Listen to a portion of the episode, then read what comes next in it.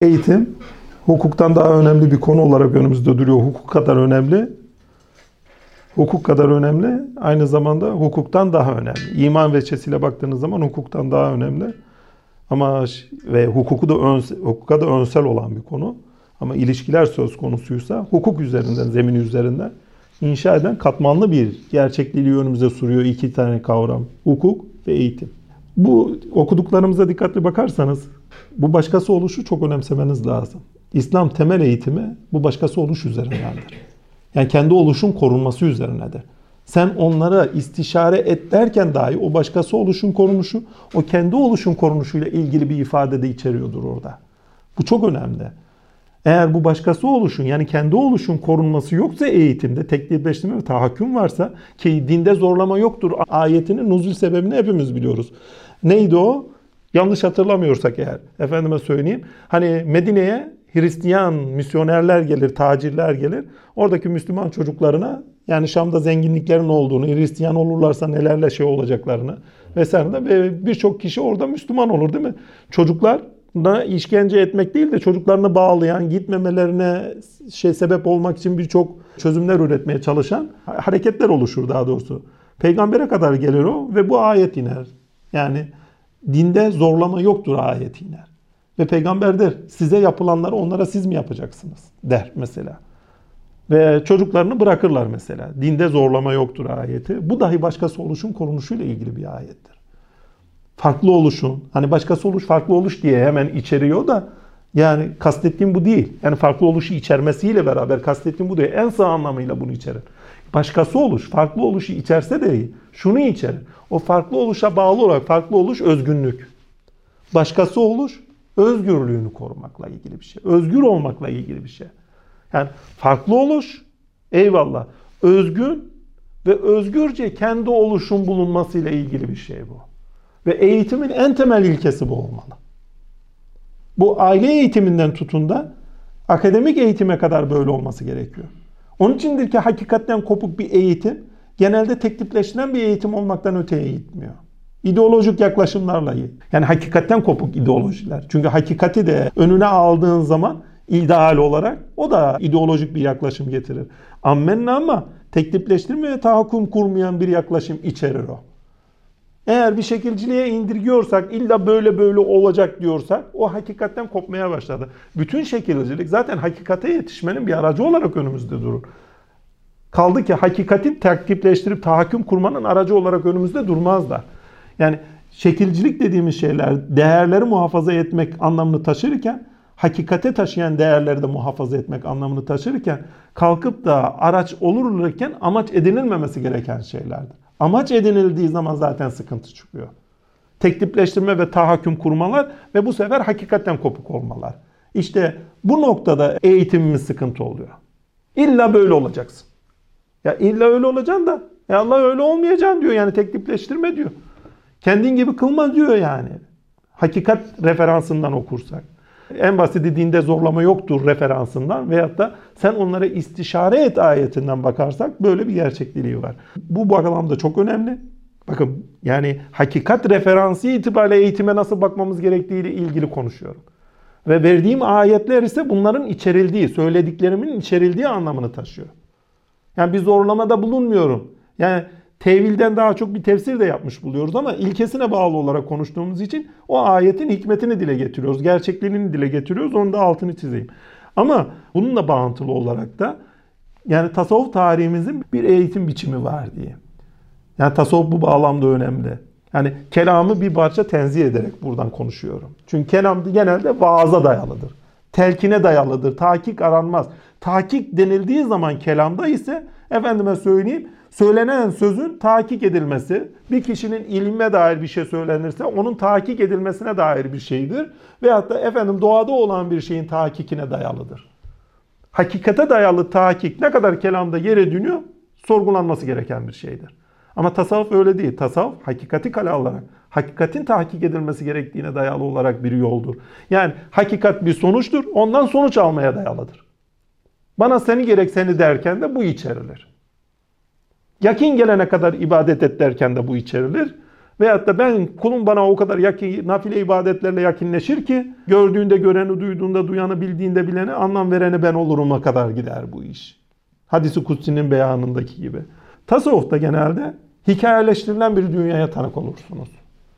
Hikayeleştirilen dünya ne demektir demiştik hatırlarsanız. Yani Rab, hani nasıl bir şey? Bir intisap var. O intisaba bağlı olarak da yaşanan sonuç almalar, tecrübeler vardır. Hani ne demiştik? Kainatta insanı bilirsiniz, insanda bulursunuz. Yani insanı bulmuşsunuzdur, insana intisap etmişsinizdir, insana rabıta ediyorsunuzdur sevgiyle. Onun üzerinden hakikatle bağıntı kuruyorsunuzdur. Ve o insanla olan ilişkilerinizde hikayeleşilen bir dünyanın içindesinizdir. Hikaye ne? İntisap ettiğiniz dünya. Ama o hikayenin içinde siz sonuç almaya başladığınız zaman sizin hikayeniz oluşmaya başlıyordur ki o başkası oluşta kendi oluş korunarak gerçekleşiyordur bu. Mesela tasavvufta ne bir mertebe söyleyeyim bunlarla ilgili o. Bak teklipleştirmeye dayalı olarak görülebilecek ama teklipleştirmeye sonuçta dayalı olmayan bir mertebe olarak konuşacağım şey. Hani fenafil şey, fenafil resul, fenafillah dediğimiz mertebeler vardı. Aslında fenafil şey araç. Kim? Şey. Fenafil resul araç. Ama fenafillah artık kişi kendini Rabbi ile bulmuştur. Yani araçlar amaç değildir. Kişi kendini Rabbi ile bulduğu zaman zaten istenen ortaya çıkmıştır. Bilmem anlatabiliyor muyum? Yani bir anneden babadan nasıl ki beslenilir bir mühlete kadar sonra insan kendi olma yoluna girer. Değil mi? O başkası oluşunu bulur. O başkası oluş içinde kendi olma yoluna gider. Başkası oluşu ne zaman göstermeye? Ergenlikte göster. İsyanını çeker. Yani ben de varım. Hani hep babanın sözü vardır, hep annenin sözü vardır ama ergenliğe gittiği zaman ben de varım ya. Sözünü söylemeye başlar değil mi? Ki bu ergenlik yaşı biraz daha öne geçilmeye başlar, çekilmeye başlandı. Yani çocuklarda artık 10, 11, 12, 9 yaşlarında başlıyor yani. Enteresan bir şey. Her neyse velhasıl kelam. Evet bu uzun da sürüyor. Yani erken başlıyor, uzun sürüyor. Hani iri ergenler diyorlar bu ara. Adam 22 yaşında halen ergen yani. Öyle devam eden de var. Ben de varımın derdine düşüyor. Ya sen de varsın da o vardırlığını göster. Hani ben de varım demek ayrı bir şey. Yani bir hikaye içinde doğmuş. Anne, baba vesaire. Değil mi? Ama o hikaye içerisinde kendi o başkası oluşu koruyarak, özgünlüğünü koruyarak, o başkası oluşun özgünlüğü içerisinde kendi olmayı bulurken, farklı olarak ne yapıyorsun da kendin oluyorsun ve özgürce kendini gerçekleştiriyorsun? Buradaki özgürlük gidip de nefsi emarenin şuyunu buyunu yaşamak değil. Yani nesneleri tatmanın değil. Özgün olarak kendini tatmaya dair. Sen ne yapıyorsun? Ergenlikte beklenmez zaten bu. Olgunluğun işidir. Onu da kendi hikayenizi yazıyorsunuzdur zaten. Tasavvufun böyle bir tarafı var. Ama tasavvufun anlatısı itibariyle, yetiştirmesi itibariyle her şeyi anlatma gibi bir tarafı yoktur. Bazen olur ki hiçbir şey anlatılmaz. Hani bir sohbet yapılıyordur. Hani ilme dayalı bir şey söyleniyordur ama bu hikaye üzerinden anlatılıyordur. Aynı Kur'an'daki gibi. Sezgiye konuşuluyordur. Bu çok önemlidir. Sebep çünkü o sezgiye konuşulurken anlatılan şey evet ussal olarak, felsefi olarak kavramlaştırılmamıştır ama hikaye olarak anlatılan şeyin sezgiye hitabı vardır. O sezgiye hitabı itibariyle eğitimin en temel basamağıdır. Sebep çünkü o kişi orada oraya katılır. Anlayışıyla katılır anlama çabası içerisindeyken katılır. Keşfe dayalı olarak yani buluşuna dayalı anlam buluşuna buradaki keşfe anlam buluş olarak kastediyorum. Anlam buluşuna dayalı olarak o sohbetin içine katılır. O anlatının içine katılır. O hikayenin içine katılır. Önemli olan da katılmasını sağlamaktır. Çünkü katılacaktır ki pratikte kendisinin yaşadığı şeylerden sonuç almış olarak kendisi tahkik ettiği, yaşattığın zaman tahkik ettiği bir Rabbine tanık olsun. Cenab-ı Allah'a tanık olsun. Felsefi olarak da söylersek Tanrısına tanık olsun. Bu gerçekten önemli. İşin güzel tarafı burada dikkat edilmesi gereken şey ahlaki olarak, erdem olarak telkin edilen şeylerin aynı zamanda ilmi olarak ilme açıklıkta, hakikate açıklıkla da ilgili olmasıdır. Yani birine hayır verdiysek hikmet vermişsizdir anlamında da aynı zamanda. Nedir o? Mesela peygamber erdemleri olarak söylediğimiz şeyler Hazreti Resulullah Fahri Kainat Muhammed Mustafa için de söylediğimiz bir şey. Hani nedir o? Efendime söyleyeyim hüsnü zan. Hüsnü zanın korunmasının telkini hikayelerde sezgisinin verilmesi, vicdanının oluşturulmasının telkini hem aleme duyarlı hem de hikmet e, ilme duyarlı, tevhide duyarlı bir anlayış biçimi oluşturur. Çünkü hüsnü zan korunurken karşısındakine duyarlılık hep olumlu bakış yani hüsnü zan olumlu bakmak. Olumlu baktığınız yerde hikmete duyarlılık olur. Olumsuz baktığınız yerde bir veçeden bakıyorsunuzdur ki veyahut da birkaç veçeden başka veçelere kendinizi kapatmışsınızdır. Çoklu gerçeklik içerisinde hikmet dediğimiz sonuçta gerçek olacak bir hakikatten de bahsediyorsak olumsuz her bakış kendini bir şekilde bir veçeden bakışa alıştırırken başka veçelerden mahrum kılmak, başka açılardan bakışa mahrum kılmak anlamı taşır. Onun içindir ki hüsnü zan, pratikte duyarlılığı içeren, öznellikte duyarlılığı, pratikte de gelen şeyi karşılamayı içeren bir güzelliğe haizdir. Bununla da kalmaz, efendime söyleyeyim, hizmet dedikleri bir ahlak verirler.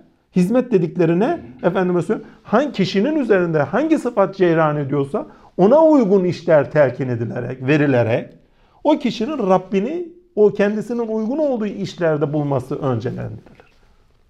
Neyi amaç ediniyorsa bir taraftan, bir taraftan da neye uyumluysa, hani Rabbi sıfatı neyse ona uygun olarak işler telkin edilir.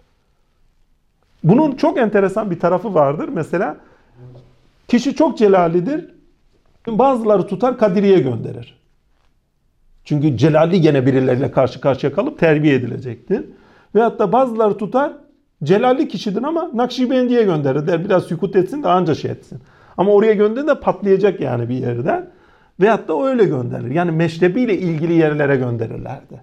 Ya evladım şurada veyahut da Nakşi veyahut da Kadiri olduğuna bakılmadan üstadın oradaki şeyine, meşrebine bağlı olarak evladım senin şuraya gitmen daha uygun olur. O efendiyle yani yüzleşmesi, bak aynalaşması, o aynalaşmaya bağlı olarak terbiye görmesi. Terbiye dediğimiz buradan bak Rab'den geliyor. Yani Rabbi sıfatını açık etmesi daha uygun düşünülürdü.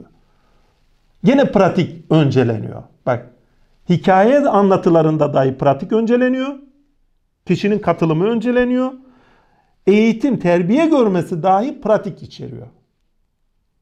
Aynalaşmaya dayalı bir pratik. Bu çok önemli. Hadi bunu da kalmıyor. Hizmet dediği ahlak o Rabbi sıfatından beslenmenin olanağını getiriyor. Eskiler onun için güzel bir söz söylemiştir. Nedir o? Hizmetini yapan Rabbini buldu. Bak Rabbini buldu. Hizmetten beri kalan Rabbinden mahrum kaldı. Bundan bir kadem daha ilerisi efendim fakrı korunmasıdır mesela. Ne bulursa bulsun, hangi buluşlarda olursa olsun, hangi olanaklarının açılımlarını yaşarsa yaşasın, deneyimlerse deneyimlesin. Bununla beraber kendine mal etmeden yaşamayı öğrensin. Bu neyi getiriyor? Sürekli bir Rabbinden beslenme olanağı getiriyor. Çünkü fakrı olan Rabbinden beslenme olanağını sürekli kılar. Yani fakr dediğimiz şey kendine varlık vermeden, mal etmeden Rabbinden geleni olduğu gibi yaşamak. Hani düşünün ya bir resim çiziyorsunuz. Sanatçısınız bir resim çiziyorsunuz veyahut da bir hikaye yazıyorsunuz. Orada kendinizi katmadan hani birdenbire üzerinizde bir ilham doğdu da o ilhamı aynı anda yansıtmaya başlıyorsunuz. Ama orada siz olmadan yansıttığınız fakr. Bak siz olmadan yansıttığınız fakr. Sen atmadın Allah attı dediği yerde de olan şey. O sıradan hakikatin tezahürü sizin üzerinizden gerçekleşir. Rabbi sıfatınız neyse en yüksek biçimde gerçekleşir. Bununla da kalmaz. Fakr ahlakınız olmuş ise anlık bir gelip geçici bir durum değil. Hani bir sanatçıda olduğu gibi durum olmadan devamlı ve sürekli bir ahlak biçimi olduysa Rabbinizden beslenişiniz sürekli biçimdedir artık. Her an ondan bir besleniş söz konusudur. Tamamıyla açıksınızdır artık. Tamamıyla hakikate duyarlı bir varoluş içindesinizdir. Tamamıyla bir sonuç almaya dayalı bir varoluş içindesinizdir. Her yaptığınız eylemin sonuçlarıyla karşı karşıya olduğunuz ve kendisine hakikate dayalı istekleriniz, hakikate bağlı olan eylemleriniz neyse her an sonuç veren bir durumda buluyorsunuzdur. Namazdaysanız Allah ilesinizdir. Oruçtaysanız fedai canın, pardon fedai nefsinin duygusundasınızdır. Yani orucun oruç olma duygusundasınızdır. Bununla da kalmaz. Sadece bir terbiye değil. Aynı zamanda nurlanma durumundasınızdır. Ama hacca gittiğiniz zaman Allah'ı da bulmuşsunuzdur. Zekatı verirken, Allah'ın hakkını verirken Allah'a hakkını vermenin sevinci içerisindesinizdir. Aa, gidiyor gitmiyor gitmiyor falan gibi bir dertte değilsinizdir yani. Yani nefsinizle mücadele bitmiştir orada. Bunlar gerçekten önemli. Yani bunu niçin anlatıyorum? Yani tasavvufta olan şey tamamıyla pratiğe dayalı. Zikirler yapılması, riyazatların yapılması, çilehanelere girilmesi tamamıyla bakın pratiğe dayalıdır ha. Yani nafile ibadet yoludur. Yani ekstradan yapılan pratiklerle sonuç almaya dayalı bir yoldur. Yani bir hakikat var ve tamamıyla ondan sonuç almaya dayalı olarak yol ve yöntemler oluşturmasıyla ilgili bir yoldur. Ama bunun bir dediğim gibi ahlaki bir tarafı var, katılım tarafı var, sonuç alma tarafı var. Bunu niçin anlattım? İslam en temelde eğitimi dedik ailede başlıyor. Yani Kur'an'ın bize öngördüğü eğitim ailede başlıyor. Bununla da kalmıyor. Özgürce yaratım etkinliği içerisinde bulunmamız gerektiğinin aklı Hazreti İbrahim'de veriliyor. Pratiğe dayalı sonuç alma aklı Hazreti Peygamberle beraber ve toplum ilişkilerinde o biz olmayı sağlayabilen veyahut da biz olamıyorsak bile hukuku tesis edip üzerine eğitimin tesis edilmesi gerektiğinin aklını en temelde Hazreti Resulullah'tan alıyoruz. Ne yaptı? Bir şeriat konuldu değil mi? Onunla da kalmadı. Onun üzerine bir eğitim biçimi de konuldu. Tasavvufun bir bağlamda Eshab-ı Sufa ile ilişkilendirilerek ve sonra da tarikat yöntemleriyle sirayet etmiş olarak yani tarihsel olarak o günümüze kadar gelişinin hikayesini de bu şekilde okuyabiliriz. Ama tamamıyla pratiğe dayalıdır. Sonuç almaya dayalıdır. Hakikatten sonuç almaya dayalıdır. Hakikat ayetler sadece varlığı anlatmaz, aynı zamanda hakiki varlık olarak Cenab-ı Allah anlatmaz. Onun varoluşsal olarak karşılıklarıyla yaşadığının aklını taşır. Ve bunun bu bağlamda düşündüğü zaman tasavvuf ayetlere sadece varlıksal, teorik olarak bakmaz. Varoluşsal o karşılıklarıyla yaşamsal olarak neresindeyimden bakar. Yani Kur'an'ı ben nasıl yaşıyorum? Bak gene pratik. Yani Kur'an'ın natıkım diyen Ali. Değil mi Hazreti Ali? Biz Kur'an'ın neresindeyiz? Yaşamımıza ne kadar sirayet etti? Kur'an olabildik mi olamadık mı? Bir surede miyiz, bir ayette miyiz? Neresindeyiz? Ama nasıl bir Kur'an ki? Yani Nemrut'unda mıyız, Azazil'inde miyiz, İsa'sında mıyız, Musa'sında mıyız? Yoksa Rabbine kadar varmış, Kur'an'ı tamamıyla haddetmiş, bir hatmi meratip etmiş, Kur'an olmuş, canlı bir Kur'an olmuş düzeyinde miyiz? Yani bu çok önemli. Yani nefsinde artık Nemrut'u yaşamış, Firavun'u yaşamış, Musa'yı yaşamış, İsa yaşamış ama Rabbi ile kendi olmayı bulmuş bir Kur'an mıyız? İnsan mıyız bu bağlamda? İnsanı kamil düzeyinde. Bu çok önemli. Eğitim nasıl olmalı? Ama öyle bir eğitim ki o başkası oluşu öldürmeden yani o kişinin kendi oluşunu öldürmeden olması gerekenmiş. Bende başlıyor, bende bitiyor kardeşim. Ben olacaksınız ha. Başka yoksa kurtuluş. Böyle bir şey değil bu. Gelen kişiyi kendi kılabilmek. Kaybetmiş kendini varoluş nesnelerinde. O varoluş nesnelerinin hakkını göstermek. Hakkını gösterirken de kendi olabilmesinin olanağını gösterebilmek. Kendi olmasının olanağı içerisinde kendi olduğunun anlayışının edinmesini sağlatabilmek. Ve o kendi oluşu Rabbi ile bulurken hem Rabbi ile buluşmasını sağlamak hem de özünde kavuşmasını sağlamak. Aynel yakin buluşma, hakkel yakin dediklerinde kavuşmasını sağlayabilmek. Ha ilme yakin yüzleşebilmek. Bunu yapabiliyorsak ne mutlu. Tasavvufta öncelen bu. Ha bunun dışında bir tasavvuf anlayışı varsa İslam çizgisi dairesinde bu tasavvuftan uzaktır. Sonuç alma yok. Dünyaya dair bir söz yok. Hakikate dair bir söz yok. Telkin, telkin, telkin, telkin, telkin. Şeyh efendilerin konuşmalarına bakıyorsun. Arkadaş telkinden başka bir şey yok. Hakikat yok ortada yani. Din sadece telkine dayalı vaazdaysa dinsizlerin artması o kadar sıradan bir şey değil. Allah dindarlarımızı arttırsın, iman ehlini artsın, sonuç alan insanlarımızı arttırsın.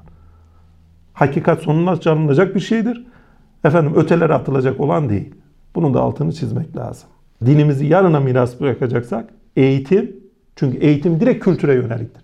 Medeniyet çizgisinde olan bir şeydir, kurumsaldır ama direkt kültüre yöneliktir. Çünkü eğitimde ne veriyorsan o şekilde biçimleniyor insan. Onun içinde doğuyor insan. Eğitim ve sanat. Gönüllere dokunacaksak sanat, insan yeniden doğacaksa eğitim. Bakın öğrenim demedim. Eğitim. Yani ezbere dayalı bir dünyamız yok bizim. Tamamıyla tahkike ve tahkike bağlı öğrenmeye, pratiğe bağlı öğrenmeye dayalı bir dünyamız var. Bakın kişilerin yeteneklerine bağlı olarak ihtisasa ayrılması ayrı bir şey. Öğrenme kabiliyetlerinin de nasıl gerçekleştiğini görerek onlara bir eğitim sunmak da önemli bir şey. Zor bir şey bu. Ama önemli bir şey. Yapabilirsek aşk olsun. Özellikle öğretmenler bu duyarlılığı gösterirse ne mutlu. Çünkü öğretmenlerin, öğrenciler öğretmenlerin elleri altında. Belki bunların kurumları bugün oluşturulamayabilir ama yarın oluşturulmayacak anlamını taşımıyor. Yani kişilerin meşreplerini öğrenme biçimlerine göre bir kurumda öğrenebilmesi, olanağının sağlanması. Ama bugün öğretmenlerimiz belki bu olanağı sunabilir çocuklarına, öğrencilerine. Ne yapabilir? Onları görürken çocukların o öğrenme biçimlerini yakalayabilme yeterliliğine sahip bir öğretmen hayrı ayrı bir şekilde onlara nasıl yetişebileceğini, nasıl öğretebileceğini de bilebilir. Bu çok önemli. Eğer Kur'an söz konusuysa tahkike dayalı bir dünya içerisindeyiz. Hakikati tahkikine bağlı olarak deneyimleyeceğiz, yaşayacağız. Hak ederek onu bulacağız ve hak ederek onu yaşayacağız. İslamsak eğer. Biraz önce anlattığım Müslüm, mümin gibi kavramları da özellikle kullandım. Sebebine gelince bunlar sadece kavram yani İslam olmanın kimlik kavramları değil, aynı zamanda bir eğitim biçimi içerek hak etmeyi gerektiren kavramlardır. Yani Müslüm olmak hak etmekle ilgili bir şeydir. Hakikati hak etmek, o kimliği de hak etmekle ilgili bir şey. Çünkü kimlikler sonradan edinilir. Hak edilerek edinilmesi gereken bir şeydir. Yani elhamdülillah Müslümüm demekle Müslüm olunmuyor kolay. Hak edeceksin ya. Göstereceksin onu. Teslimiyatın nasıl olduğunu göstereceksin. Müminlik de öyle. Sende o müminliğin faziletleri varsa eğer biraz onlarca esasları varsa e, ammenle zaten müminsin. Ya başkası birine de mümin, müslüm olma gibi bir anlatı içerisinde olma gibi bir derdin olmaz. Bunun çok güzel bir örneğini Abdullah Baba'dan vereyim. Bir gün onun için söylemişler. Ya ondan da veli mi olur falan gibilerinden bir şey söylüyorlardı. Hadi madem öyle veliyse bir keramet göstersin diye bir gün benim üzerime gelmişlerdi. Bir grup. Neyse yanına gittim hiç sesimi çıkartmadım. Şöyle bir baktı. Allah Allah dedi veli diyeceklermiş. Demesinler dedi ya çok umurumdaydı. Bakın bu çok önemli. Bir özgüven var ama kendinden de emin. Yani müminliğinden, müslümliğinden emin. Başka birine onu gösterme gibi bir derdi de yok. E ben de görmüşüm. E eminim. Yani başka birilerinin bana vesvese vermesi artık o kadar önem taşımıyor. Bilmem anlatabildim mi? Yani onun müminliğinden ve müslümliğinden emin değil. Bu bir eğitimdir bakın. Pratiğe dayalı bir şeydir bu. Sadece teorik değildir. Teorik olanın yaşamında bakın öznel olan, öznel olanın teoriyi pratikte karşılığının olması gerekir. Onun için diyoruz varlıksal anlamda bir şeyin söylevi varoluşsal ana yani hakikate dair söyle, varlıksal anlamda hakikate dair söylevin öznel mahiyette varoluşsal anlamda karşılıklarının illa ve illa gösterilmesi gerekiyor. Yoksa bir anlamı yok. Yarım Müslümsünüzdür, yarım İslamsınızdır. Ve bu bağlamda bunun düşünülmesi lazım. Özellikle bu 2-3 kavramı kullanmamın bir sebebi de şudur. Günümüzde bazı tartışmalar yapılıyor. İşte Müslümanlık işte Farsilerden geldi. Öbürü bilmem nelerden geldi. Önce işte Müslüman denilmiyordu filan filan. Ya artık bu gibi şeylerin içinde yani saçma sapan konuşmalar, zorlamalar içinde durmamak lazım. Yani bu kavramların gerçek içeriğiyle, ilkesel içeriğiyle ilgilenip onlara tanımlamak, onlara anlamlı kılmak, ondan sonra yaşantımızda karşılığı var mı yok mu? Yaşantında karşılığı yok mu? O zaman Müslüm de deme, müminim de deme. Var mı? Başkalarına zaten görünüşe taşımanın da gereği yok orada. Hani farklıdan bahsediyorsa. Hakkıyla yaşamaya bak. İşin enteresan tarafı bütün üst kimliklere aşkındır bu söylerler. Yani İslam olmak, Müslüm olmak, mümin olmak diğer bütün kimliklere aşkın bir şeydir. Tevhid bağlamda baktığın zaman her birinin nereden tezahür ettiğine bakılır. Ama bunlar hakikatle kendini bulmakla ilgilidir. Diğeriyle ise kültürde bir olgu, nesnel bir olgu vesaire ile ilgili bir olgudur. Yani diğer kimliklerin tamamı nesnelliğe dair iken, yani en basiti Türk'üm, Kürdüm, Arap'ım. Tamamıyla kültürel, nesnel bir olgu olarak önünde bulduğum bir şeydir.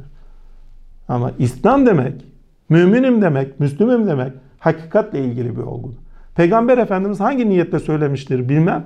Bunu çarpıtarak konuşan çok olur. Genelde Arap böyle şeyini sevmeyenler, böyle hakir görenler Arap geldim Arap değilim hadis-i şerifini genelde çarpıtarak konuşur. Ya Arap geldim Arap değilim demek. Araplar çok hakir. Ya yanındaki kardeşleri Arap. Yani kendisi soyu Arap. Arap geldim Arap değilim demek artık soya aşkın bir bakışım var demektir. Onun için rahmetil alemindir. Hani daha önce rahmetil alemini birçok manada anlamladık ama rahmeti aleminin bir anlamı da budur. Yani seni alemlere rahmet gönderdik. Herkesin sende bir hissesi var. Çünkü öyle bir yere geliyor ki hakikat çünkü herkesin hakikati olan yere geliyor. Nasıl bir soya indirgeyebilirsiniz kendiniz öyleyse? Nasıl bir yola sadece indirgeyebilirsiniz? Nasıl sadece bir veçeye indirgeyebilirsiniz? Bir bakış açısına indirgeyebilirsiniz? Hakikati anladıysak. Allah'ın selamı üzerimize olsun. Vatanımıza, milletimize selamet olsun inşallah.